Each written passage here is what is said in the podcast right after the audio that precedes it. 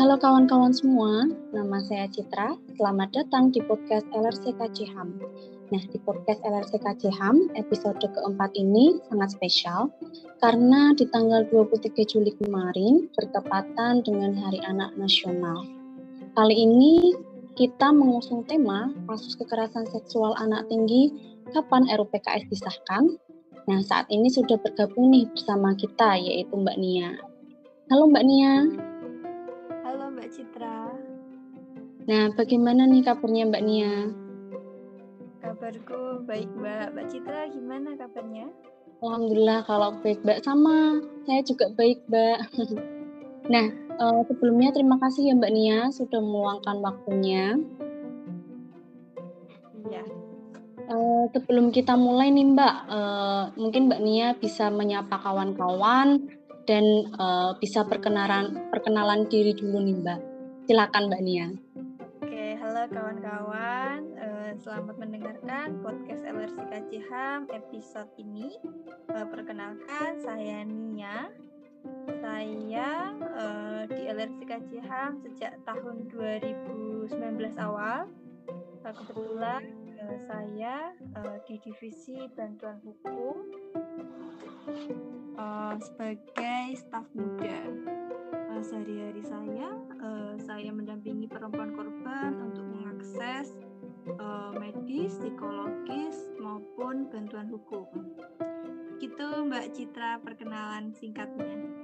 Wah, terima kasih Mbak Nia. Mantap sekali nih. Uh, ternyata Mbak Nia ini adalah pendamping korban kekerasan ya Mbak Nia ya. Iya, betul sekali Mbak Citra. Ini uh, berdasarkan pelaporan pada Simfoni PPA nih hingga 3 Juni 2021 terdapat 3.122 kasus kekerasan terhadap anak. Kemudian dari data tersebut angka kekerasan seksual ini masih mendominasi begitu ya Mbak. Nah ya, kalau uh, apa namanya dari LRCKJM sendiri adakah Mbak uh, kasus kekerasan seksual anak? Oke, Uh, kalau berdasarkan data penanganan kasus kekerasan terhadap perempuan di LRC KJHAM pada tahun 2020 menangani 36 kasus kekerasan seksual. Wah. Kemudian, uh, uh, dari data tersebut uh, korbannya anak. Kemudian uh, dari 36 kasus itu semuanya melaporkan ke proses hukum begitu. Meskipun berarti bisa diproses secara hukum ya Mbak yang 36 iya, betul sekali Mbak. Meskipun bisa diproses secara hukum karena ada undang-undang perlindungan anak uh, tapi tidak semua kasus itu uh, dilaporkan. Bahkan ada beberapa kasus itu yang katanya dinikahkan dengan pelaku Wah, berarti itu ya Mbak, eh, apa namanya, banyak korban anak yang malah dinikahkan pelaku, bukan diproses secara hukum malahan ya. Nah ini bagaimana Mbak situasi penanganan kasusnya? Adakah hambatan atau mungkin temuan-temuan ketika pendampingan nih Mbak? Nah, untuk penanganan kasus sendiri Mbak, eh, ada beberapa temuan. Nah, yang pertama, proses hukum korban kekerasan seksual uh, ada stigma sih mbak stigma dari aparat penegak hukum. Mereka menganggap bahwa korban dan pelaku ini sama-sama suka. Miris ya mbak iya. stigma korban kekerasan. Iya betul sekali mbak. Stigmanya sangat miris sekali ya. Ini baru korbannya anak ya mbak ya? Apalagi nanti kalau korbannya dewasa. nah benar sekali benar alat bukti dibebankan kepada korban dan keluarganya. Ini hmm. pengalaman KCH di tahun 2019, Mbak Citra. Hmm. Kenapa alat buktinya dibebankan ke korban, Mbak? Bukankah itu tanggung jawab penyidik ya, Mbak? Betul sekali, Mbak. E, kalau di secara normatif ya itu kan tanggung jawab penyidik ya. Nah tapi di sini penyidik malah meminta keluarga korban itu mencari alat buktinya. Kebetulan ini kasus perkosaan. Dan korbannya korban dan keluarga itu tidak tahu uh, siapa pelakunya. Karena pelakunya orang tidak dikenal, pakai masker, pakai jaket, pakai mm jadi nggak nggak bisa ketik itu siapa. Nah si penyidik ini meminta untuk uh, mencari alat bukti ya udah kamu sana cari CCTV-nya. Uh, hmm, coba cari gitu. Padahal kan hukum harus membantu mencari bukti, bukan malah uh, meminta korban untuk mencari alat buktinya sendiri ya, Mbak. Iya betul sekali, Mbak. Hmm. Kemudian ada juga Mbak ini yang penyidik yang enggan melakukan penahanan terhadap pelaku uh, dengan alasan pelaku sudah lanjut usia. Kemudian ada lagi alasan penyidik itu karena pelaku itu kooperatif. Hmm. Kalau kita melihat undang-undang perlindungan anak itu ya Mbak ya, ancaman pidananya kan minimal 5 sampai 15 tahun ya. Ya. Ya, nah itu sudah bisa menjadi dasar uh, ke penyidik bahwa tersangka atau pelaku ini wajib untuk ditahan. Wah, menarik ini, Mbak.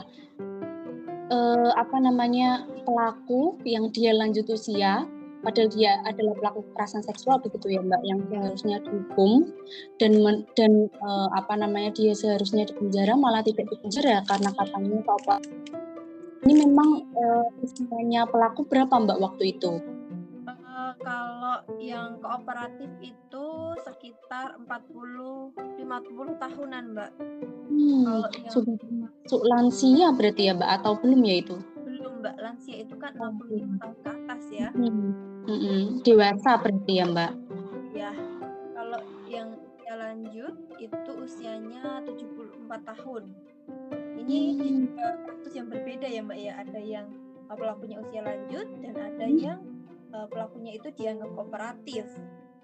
Dan hmm. lagi uh, pelaku ini adalah orang tua kandung dari korban. Wah, miris sekali, Mbak. Padahal seharusnya orang tua ini yang seharusnya melindungi anak begitu ya. Karena kan eh, apa namanya ini adalah orang tua kandungnya, tetapi dia malah eh, menjadi pelaku kekerasan seksual. Nah, ini sekali.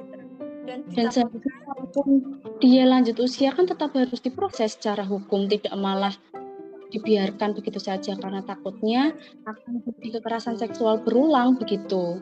Ya, betul sekali apa yang dikatakan Mbak Citra kalau nggak uh, ditahan pelaku ini juga apa ya rentan untuk melakukan kekerasan seksual berulang gitu ya Mbak kepada korban. Mm-hmm. Nah, tapi lagi-lagi penyidiknya belum belum mau begitu Mbak. Kemudian kalau proses hukum ada temuan lagi nih Mbak Citra. Pelaku itu menyarankan korban menikah dengan pelaku. Hmm. Untuk menikahkan korban dengan pelaku kekerasan seksual. Iya betul mbak. Itu uh, yang merekomendasikan siapa mbak? Adalah salah satu oknum penyidik kebetulan mbak yang menangani kasus tersebut. Kebetulan itu ada dua pelaku. Hmm, tapi yang dilaporkan hanya satu pelaku. Nah yang pelaku satunya lagi itu disarankan untuk menikahi korban. Dan mirisnya lagi uh, setelah proses uh, kemudian uh, si pelaku yang disarankan untuk menikah itu menikahi hmm. korban secara siri Mbak Citra. Nah, korban dinikahi secara siri berarti uh, apakah karena korban masih usia anak Mbak atau waktu itu ada alasan lain, Mbak?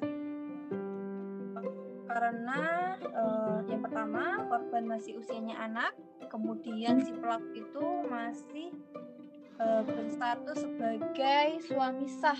Jadi dia masih punya istri sah gitu, Mbak. Wah. Si pelaku ini memang benar-benar. Iya. Dan mirisnya lagi Mbak Citra, uh, karena dia sudah menikah, kemudian hmm nikah secara siri uh, setelah proses itu selesai kemudian si korban ini ditinggalkan oleh pelaku tersebut. Hmm, jadi itu ya Mbak malah jadi uh, korban KDRT begitu ya Mbak karena ada iya. penelantaran rumah tangga. Sekali Mbak. Jadi dia mengalami kekerasan berulang-ulang gitu. Dan selama hmm. pernikahan pun lagi-lagi dia mendapatkan kekerasan fisik, psikis hmm. juga kemudian penelantaran itu. Apakah uh, ketika korban ini uh, apa ya uh, menjadi korban KDRT begitu ya Mbak? Hmm? Dia juga melaporkan kasusnya atau hanya melaporkan kasusnya yang kasus kekerasan seksual itu Mbak?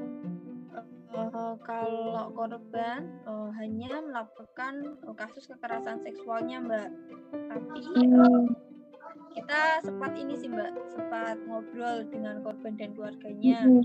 hmm. kalau si pelaku yang sudah menikahi korban ini juga dilaporkan karena lagi-lagi dia juga melakukan kekerasan seksual kepada korban tapi korbannya uh, belum mau pada saat itu ya sudah kita kembalikan semuanya kepada korban. Pada korban iya. Karena kita juga uh, apa kalau pendampingan itu sesuai dengan apa yang diinginkan korban ya mbak. Kita tidak bisa intervensi begitu ya Mbak Nia. Iya, kali Mbak. Ya kita sebagai apa ya teman diskusi aja semua semuanya ya dikembalikan lagi pada korban. Korban maunya apa. Kalau ini Mbak, uh, ada lagi Mbak temuan di uh, dunia pendidikan. Uh, korbannya ini mengalami kekerasan uh, seksual dari pacarnya, kemudian mil. Nah, statusnya korban itu masih bersekolah, Mbak, sekolah SMK. Gitu. Hmm, SMK. Sud merek. Sud merek gak sih, Mbak, ini SMK? Uh, nggak apa-apa, Mbak, asal enggak menyebut sekolahnya. ini masih sekolah uh, menengah. Mm -hmm kemudian setelah uh, sekolahannya tahu bahwa korban ini hamil uh, sekolahan uh, mengeluarkan si korban ini mbak korban dia sudah menjadi korban kemudian dia uh, malah dikeluarkan dari sekolah ya mbak kalau pelakunya sendiri mbak kebetulan waktu itu apakah satu sekolah juga dengan korban atau malah beda sekolah mbak kalau untuk pelaku pada saat itu uh, sudah tidak bersekolah, Mbak. Jadi hmm. hanya korban yang masih uh, statusnya bersekolah gitu. Malah terampas haknya ya, Mbak, karena korban akhirnya dikeluarkan dari sekolah dan tidak mendapatkan pendidikan begitu. Padahal di situasinya tersebut kan seharusnya mendapat dukungan baik dari uh, keluarga maupun pihak sekolah juga untuk hak pendidikannya. Betul sekali mbak. Korban uh, sudah menjadi korban kekerasan. Kemudian ya, karena tidak bisa mendapatkan haknya atas pendidikan begitu ya mbak ya karena di Indonesia sendiri wajib belajar itu 12 tahun ya mbak ya Iya betul sekali mbak 12 tahun Nah ini Mbak Nia, tadi kan eh, apa namanya ketika kita ngomongin soal situasi penanganan kasus korban nih. Tadi kan menyebutkan juga eh, ada sebenarnya perlindungan hukumnya yaitu Undang-Undang Perlindungan Anak. Nah ini eh, baru sing masyarakat turun masuk. Oh malah. Soalnya wis 14 menit dewe ngomong ke soal kui. Diteruskan lagi masyarakat ada mengasah. Iya wis kemudian di masyarakat itu uh, korban juga mendapatkan stigma uh, ada juga aduh ngomong masyarakat uh, perempuan korban kekerasan seksual uh, juga menjadi perbincangan di tetangga dan hal ini menjadikan uh, salah satu faktor kenapa uh, orang tua korban itu ingin segera menikahkan korban dengan pelaku. Hmm, berarti ya. itu uh, orang tua korban pun juga uh, ada yang memaksa korban untuk menikah dengan pelaku. Ada mbak banyak dan itu lumayan banyak lah di tahun 2020 itu. Uh, ada juga ketakutan uh, dari orang tua si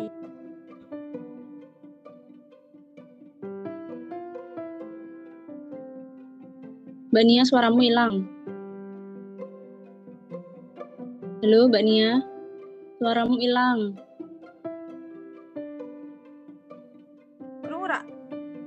Suaramu hilang. Suaramu hilang. Mau coba? Aku krungu Mbak Citra. Iya, suaramu hilang mau.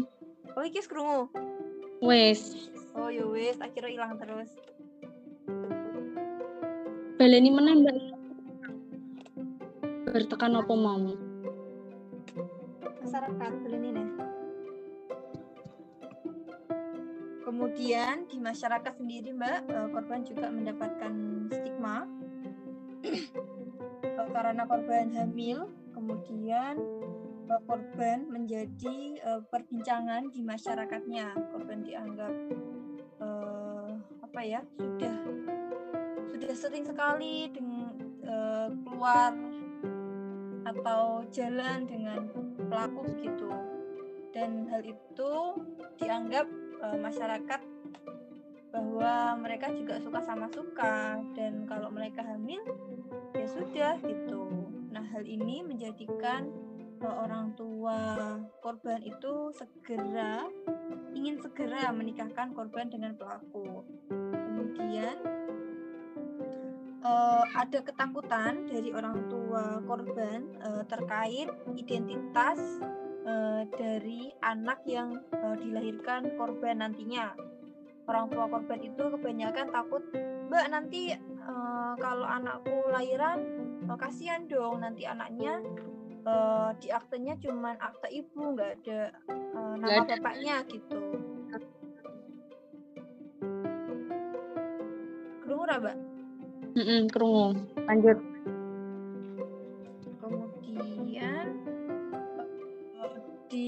Keluarga korban itu juga ada apa ya kayak ada beban pengasuhan gitu loh mbak. Lah nanti kalau anakku lanjut sekolah terus dia punya anak anaknya yang siapa mbak yang ngomong gitu. Kalau aku harus uh, meminta atau meminta bantuan orang itu kan harus berbayar mbak. Uangnya dari mana? Gitu sih mbak temuan-temuan dari penanganan kasus uh, Wah, KS anak gitu ternyata ini ya Mbak banyak sekali temuan-temuan uh, ketika mendampingi kasus KS anak begitu. Karena uh, di sisi lain uh, ada faktor dari masyarakat kemudian faktor penegak hukum faktor dari pihak sekolah kemudian dari keluarga sendiri pun juga uh, apa ya menjadi faktor penyebab anak ini uh, mengalami kekerasan berulang begitu ya Mbak. Karena uh, harus uh, apa ya harus menikah dengan pelaku begitu. Karena keluarga tidak mau uh, sampai hal itu menjadi aib keluarga. Kemudian anak tidak mendapatkan uh, apa namanya akte. Karena akte di dalamnya uh, cuma nama ibu nggak ada nama iya, bapak kekhawatiran-kekhawatiran lain begitu ya Mbak yang menjadi faktor uh, orang tua ini memaksa anaknya untuk uh, segera menikah dengan pelaku. Nah Mbak Nia, uh, Mbak Nia sudah menyampaikan soal bagaimana situasi penanganan kasusnya. Nah tadi juga menyampaikan soal sebenarnya ada loh undang-undang perlindungan anak begitu ya Mbak yang mampu uh, melindungi anak dari kekerasan seksual. Nah ini sebenarnya uh, seperti apa sih Mbak uh, undang-undang perlindungan anak ini? Oke, nah uh, di Indonesia sendiri itu sudah ada undang-undang perlindungan anak nomor 35 tahun 2016. Uh, di sana itu sudah menyebutkan uh, bagaimana divisi, uh, definisi perlindungan anak itu sendiri perlindungan anak adalah segala kegiatan untuk menjamin dan melindungi anak dan haknya agar dapat hidup, tumbuh, berkembang, dan berpartisipasi secara optimal sesuai dengan harkat dan martabat kemanusiaan serta dapat uh, perlindungan dari kekerasan dan diskriminasi. Nah sebenarnya ini sudah menjawab uh, permasalahan di atas tadi ya Mbak ya? Ya sudah menjawab ya Mbak tadi. Ya. Tapi tinggal implementasinya nih Mbak seperti apa? Iya betul sekali Mbak. Dan di sana di Undang-Undang Perlindungan Anak itu di pasal 9 ayat 1 juga sudah membahas terkait uh, bagaimana sih perlindungan uh, di satuan pendidikan. Kemudian di pasal 26 bagaimana uh, mengatur terkait kewajiban dan tanggung jawab orang tua untuk mencegah terjadinya perkawinan anak usia dini. Eh usia anak, uh, usia anak. Nah, namun dari pasal-pasal ini memang uh, tidak ada ancaman pidananya ya, Mbak ya. Hmm praktek-praktek perkawinan anak, kemudian anak korban kekerasan seksual dikeluarkan dari sekolah itu ya tetap masih ada karena nggak ada ada aturan hukumnya tapi nggak ada jeratan pasalnya gitu. Hmm. Begitu. Hmm. Oke Mbak Nia, tadi itu ya Mbak, uh, ternyata memang benar ada eh, undang-undang perlindungan anak gitu ya Mbak yang mampu melindungi uh, anak dari kekerasan seksual akan tetapi di undang-undang ini itu masih ada celah begitu ya Mbak celah hukumnya karena uh, seharusnya orang tua yang uh, apa namanya tidak boleh menikahkan uh, anaknya ini malah menikahkan anaknya kemudian uh, ketika orang tua uh, apa namanya melakukan hal tersebut di undang-undang perlindungan anak tidak ada uh, apa namanya hmm, tidak ada jeratan. Nah, tidak ada jeratan. Nah, ini uh, ketika kita melihat hal tersebut, apakah uh, seharusnya ada uh, apa undang-undang lain begitu, Mbak, yang bisa menjerat kasus-kasus kekerasan seksual baik anak kemudian perempuan dewasa ataupun laki-laki. Oke, nah kalau kita berbicara dengan tadi ya Mbak ya Undang-Undang Perlindungan Anak itu sudah bagus sekali, tapi masih ada celah hukumnya ya. hmm. uh, dan angka kekerasan terhadap perempuan itu masih sangat tinggi gitu mm beberapa kasus uh, kekerasan seksual yang dialami oleh anak saja uh, masih banyak uh, hambatan dan tantangannya ya apalagi kasus kekerasan yang dialami oleh perempuan dewasa. Lagi-lagi payung hukum juga uh, belum ada ya kalau untuk kasus KS dewasa itu. Pun ada di KUHP tapi itu hanya beberapa hanya kecil sekali. Dan beberapa kasus itu tidak bisa dilaporkan karena di KUHP pun tidak membahas secara spesifik kasus-kasus itu. Nah, hanya kalau, dan pencabulan ya Mbak kalau di KUHP itu. Eh, iya betul Mbak. Nah kalau uh, kita melihat angka kekerasan semakin tinggi, terus banyak hambatan dan tantangan, apa sih yang perlu uh, yang dibutuhkan oleh semua orang gitu? Nah, jawabannya pasti Mbak uh, Citra juga sudah tahu ya. Kita ya, apa itu? PKS. Rancangan Undang-Undang Penghapusan Kekerasan Seksual. Itu karena uh, eh, RU ini sangat bagus sekali, sangat kompleks sekali ya Mbak ya. Uh, ada memuat enam elemen kunci utama ya.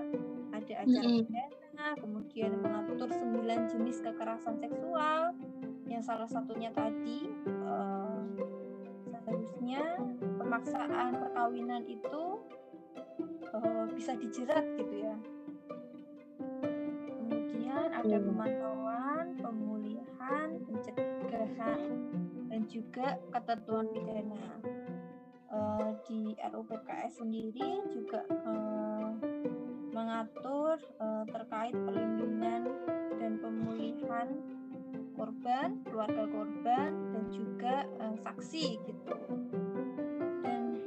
Sana juga uh, kalau di UHAP itu kan uh, saksi itu yang melihat, yang mendengar begitu ya Mbak ya. Secara langsung, tapi kalau di sini uh, saksi itu tidak hanya yang mendengar ataupun melihat saksi yang dicerit di diceritani apa sih mbak bahasa Indonesia-nya? Iya, diceritakan oleh korban. Yang diceritakan tempat cerita ya. Terkait uh, kekerasannya di alamnya itu bisa dijadikan saksi dan korban. Uh, kalau kalau UHAP itu kan ada lima ya mbak ya. Mm -hmm. Tapi kalau di RUPKS ini uh, korban dan satu alat bukti saja itu sudah cukup. Sudah cukup ya mbak. Kita membuktikan bahwa uh, dia mengalami kekerasan seksual. Oke, berarti memang uh, eh, RUU penghapusan kekerasan seksual ini lebih lengkap begitu ya Mbak dan lebih memadai. Kemudian RUU ini juga membuka akses lebar terhadap uh, perlindungan korban kekerasan seksual. Nah kalau boleh tahu Mbak, uh, saat ini perkembangan advokasi RUPKS uh, seperti apa Mbak? Uh, kalau RUPKS-nya sejauh yang aku tahu ya Mbak ya, hmm. RUPKS ini memang sempat dikeluarkan dari prolegnas uh, di tahun 2020, kemudian di tahun 2021 uh, PKS ini kembali masuk lagi ke prolegnas di balik DPR RI dan saat ini uh, sedang disusun kembali draftnya uh, di balik itu. Uh, dan uh, draft terakhir itu ada beberapa bagian ya dari RUPKS ini. Yang pertama ada ketentuan umum ke kemudian ada asas tujuan dan ruang lingkup kemudian uh, korban, keluarga korban, saksi dan ahli, kemudian pencegahan, penyidikan, penuntutan dan pemeriksaan di persidangan, kemudian adanya koordinasi dan pengawasan, ketentuan pidana, kemudian peran serta masyarakat, ketentuan peralihan, ketentuan penutup. Nah, uh, kalau uh, kita uh, uh, baca sekilas ya, isi apa saja yang terkandung di RUPKS ini sangat menjawab sekali uh, kebutuhan korban, kemudian menjawab sekali hambatan dan tantangan yang selama ini uh, dialami oleh korban dan pendamping, begitu ya Mbak ya. Sekali Mbak Nia. Nah, itulah pentingnya kenapa RUU PKS ini harus segera disahkan, begitu ya Mbak ya, untuk menutupi uh, celah dari uh, peraturan uh, yang sudah ada. Wah menarik sekali ternyata ya Mbak Op kita uh, pada hari ini begitu ya Mbak. Tadi uh, kita ngobrolin soal situasi kekerasan seksual anak, kemudian sampai uh, payung hukumnya begitu ya Mbak. Dan uh, ternyata di payung hukum undang-undang perlindungan anak saja masih ada celah hukum. Kemudian saat ini uh, kita juga sedang mengadvokasi RUU penghapusan kekerasan seksual ya Mbak yang di mana uh, maksud dan tujuan RPKS ini sangat baik begitu karena bisa menjadi uh, untuk mencegah uh, terjadinya kekerasan seksual. Nah, Mbak Nia, nggak terasa nih Mbak, kita sudah hampir 30 menit melakukan uh, perbincangan soal kekerasan seksual anak. Nah, uh, Mbak Nia, adakah rekomendasi Mbak untuk pemerintah? Oke. Silakan Mbak rekomendasinya sebenarnya secara garis besar itu ya mendorong uh, tanggung jawab ini kan tanggung jawab negara ya mbak ya karena kasusnya ya, semakin tinggi semakin tinggi. naik dan semakin beragam juga kekerasan seksualnya ya betul sekali nah mendorong pemerintah untuk uh, membuat kebijakan yang dapat melindungi perempuan korban kekerasan dan juga uh, segera untuk mengesahkan RUU PKS ini. Kemudian uh, mendorong lembaga pendidikan untuk menciptakan ruang aman untuk perempuan dan uh, membuat kebijakan yang bisa melindungi perempuan korban kekerasan uh, seksual. Kemudian saja sih Mbak. Oke, mantap sekali ya. Kalau pesan-pesan untuk masyarakat, Mbak, adakah? Oke, untuk masyarakat yang pertama stigma perempuan korban kekerasan seksual. Ya. Kemudian uh, saya mengajak uh, masyarakat untuk bersama-sama turut serta dalam upaya pencegahan uh, kekerasan terhadap perempuan. Nah, uh, sebenarnya kawan-kawan juga bisa ikut berpartisipasi ya Mbak ya dalam uh, hmm. yang diadakan di LRC Kajian. Kebetulan hmm. Beberapa minggu lagi akan ditutup ya Mbak ya. Iya, kita tutup sampai 1 September ya Mbak. Iya. Nah, kawan-kawan juga bisa berpartisipasi di TikTok Challenge itu uh, dalam upaya uh, pencegahan dan advokasi RUU PKS kemudian uh, pesan untuk korban sendiri uh, jangan takut untuk speak up kamu tidak sendirian uh, banyak sekali lembaga layanan yang uh, bisa mendengarkan cerita uh, perempuan korban kekerasan gitu mbak Citra Wah, mantap sekali Mbak Nia. Sebelumnya terima kasih banyak ya Mbak Nia sudah berkenan bergabung dalam podcast LRC KJM kali ini. Uh, terima kasih juga Mbak Citra sudah diizinkan untuk bergabung di podcast uh, LRC KJM. Iya, semoga kita bisa berbincang-bincang lagi ya Mbak di dalam next uh, podcast selanjutnya. Siap Mbak Citra. Siap kalau gitu Mbak. Nah kawan-kawan uh, tadi kita sudah uh, apa ya ngobrol bareng dengan Mbak Nia soal kasus kekerasan seksual anak, di mana memang uh, di Indonesia sebenarnya sudah ada uh, perlindungan begitu ya perlindungan hukum untuk kasus kekerasan seksual yang korbannya adalah anak, tetapi memang masih terdapat celah hukum uh, untuk uh, pemaksaan perkawinan anak.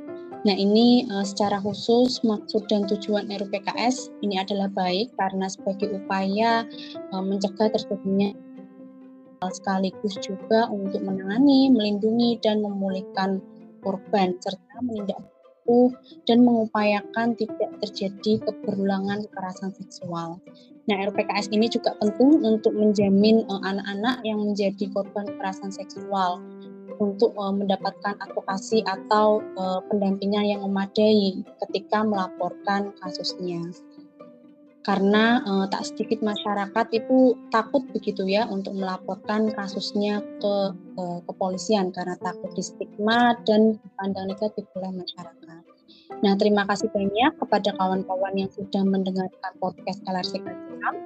Nah, kawan-kawan eh, bisa mengadukan kasusnya di nomor hotline eh, LRC KCHAM.